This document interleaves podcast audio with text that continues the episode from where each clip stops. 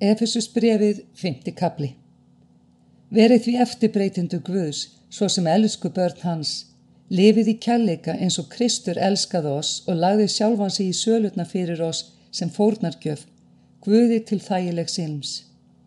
En frillu lífi óhreinleiki yfirleitt eða ágind á ekki einu svona nefnast á nafnmeðaliðar, svo hæfir heilugum.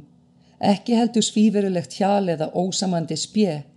Þessi stað komi miklu fremur þakkargjörð því að það skuliður vita og festa yfir í minni að engin frittulífsmaður eða saurugur eða ágjart sem er sama á að dyrka hjákvöði á sér arfsvon í ríki Krists og Guðs.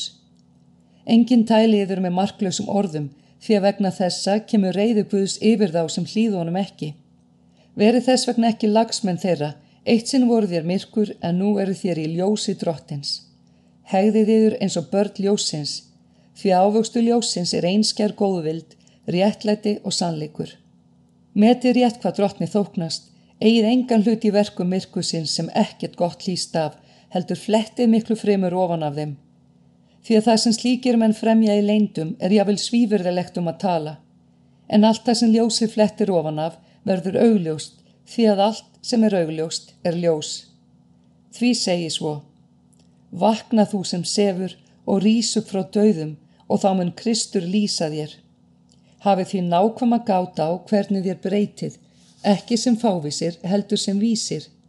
Notið hverja stund því að dagarnir eru vondir, verið því ekki óskinsamir, heldur reynið að skilja hver sem vilji drottins.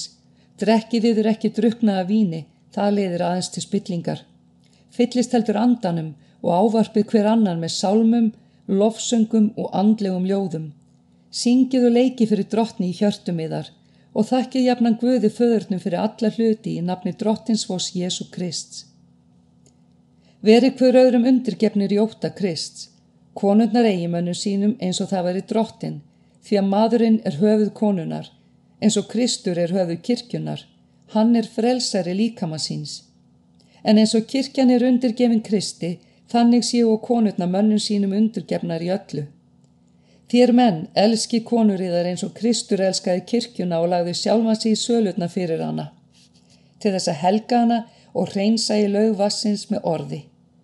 Hann vildi leið hana fram fyrir sig í dýrð án þess hún hefði blett eða hrukku nýja neitt þess áttar. Heilug skildi hún að lítalös og þannig skulu eigimennir elska konur sínar eins og eigin líkami. Sá sem elskar konur sína elskar sjálfan sig. Engin hefur nokkru sinni hatað eigið hold, heldur elur hann það og annast eins og Kristur kirkjuna, því við erum lemir á líkama hans. Þess vegna skal maður yfirgefa föður og móður og búa við eiginkonu sína og munu þau tvö verða einn maður. Þetta er mikill leindadómur. Ég hef í huga Krist og kirkjuna. En sem sagt, þér skulu hver og einn elska eiginkonu sína eins og sjálfan sig, en konan beri lotningu fyrir manni sínum. Efesus brefið sjötti kapli Þér börn hlýði fórildrum í þar vegna drottins því að það er rétt. Heiður að föðu þinn og móður, það er heið fyrsta bóðord með fyrirheiti, til þess að þér vegni vel og þú verði langlífur á jörðinni. Og þér feður reytið ekki börniða til reyði, heldur aliðu upp með aga og umvöndun drottins. Þér þrælar hlýðið í þar jarnesku herru með lotningu og óta, í einlegni hjartans eins og það væri Kristur. Ekki með augna þjónustu eins og þeir er mönnum vilja þoknast, heldur eins og þjónar Krist er gjöra vilja Guðs af heilum huga. Veiti þjónustu í þeirra fúsu geði eins og drottinætti í hlut og ekki menn. Þér vitið og sjálfur að sér hver mun fá aftur af drottni það góða sem hann gjörir, hvort sem hann er þræll eða frjáls maður. Og þér sem eigi þræla breytið eins við þá, hættið að ógna þeim, Þér vitið að þeir eiga í heimninum sama drottin og þér og hjá honum er ekkert manngreinar álit. Að lokum, styrkist nú í drottni og í krafti máttar hans, klæðist alvækni Guðs til þess að þér geti staðist vélabröð djöfulsins.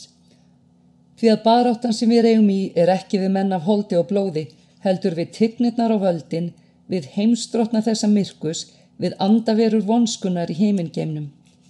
Takið því alvefni Guðs til að þér getið veitt mótstöðu á hennum vonda degi og haldið velli þegar þér hafið sigrað allt.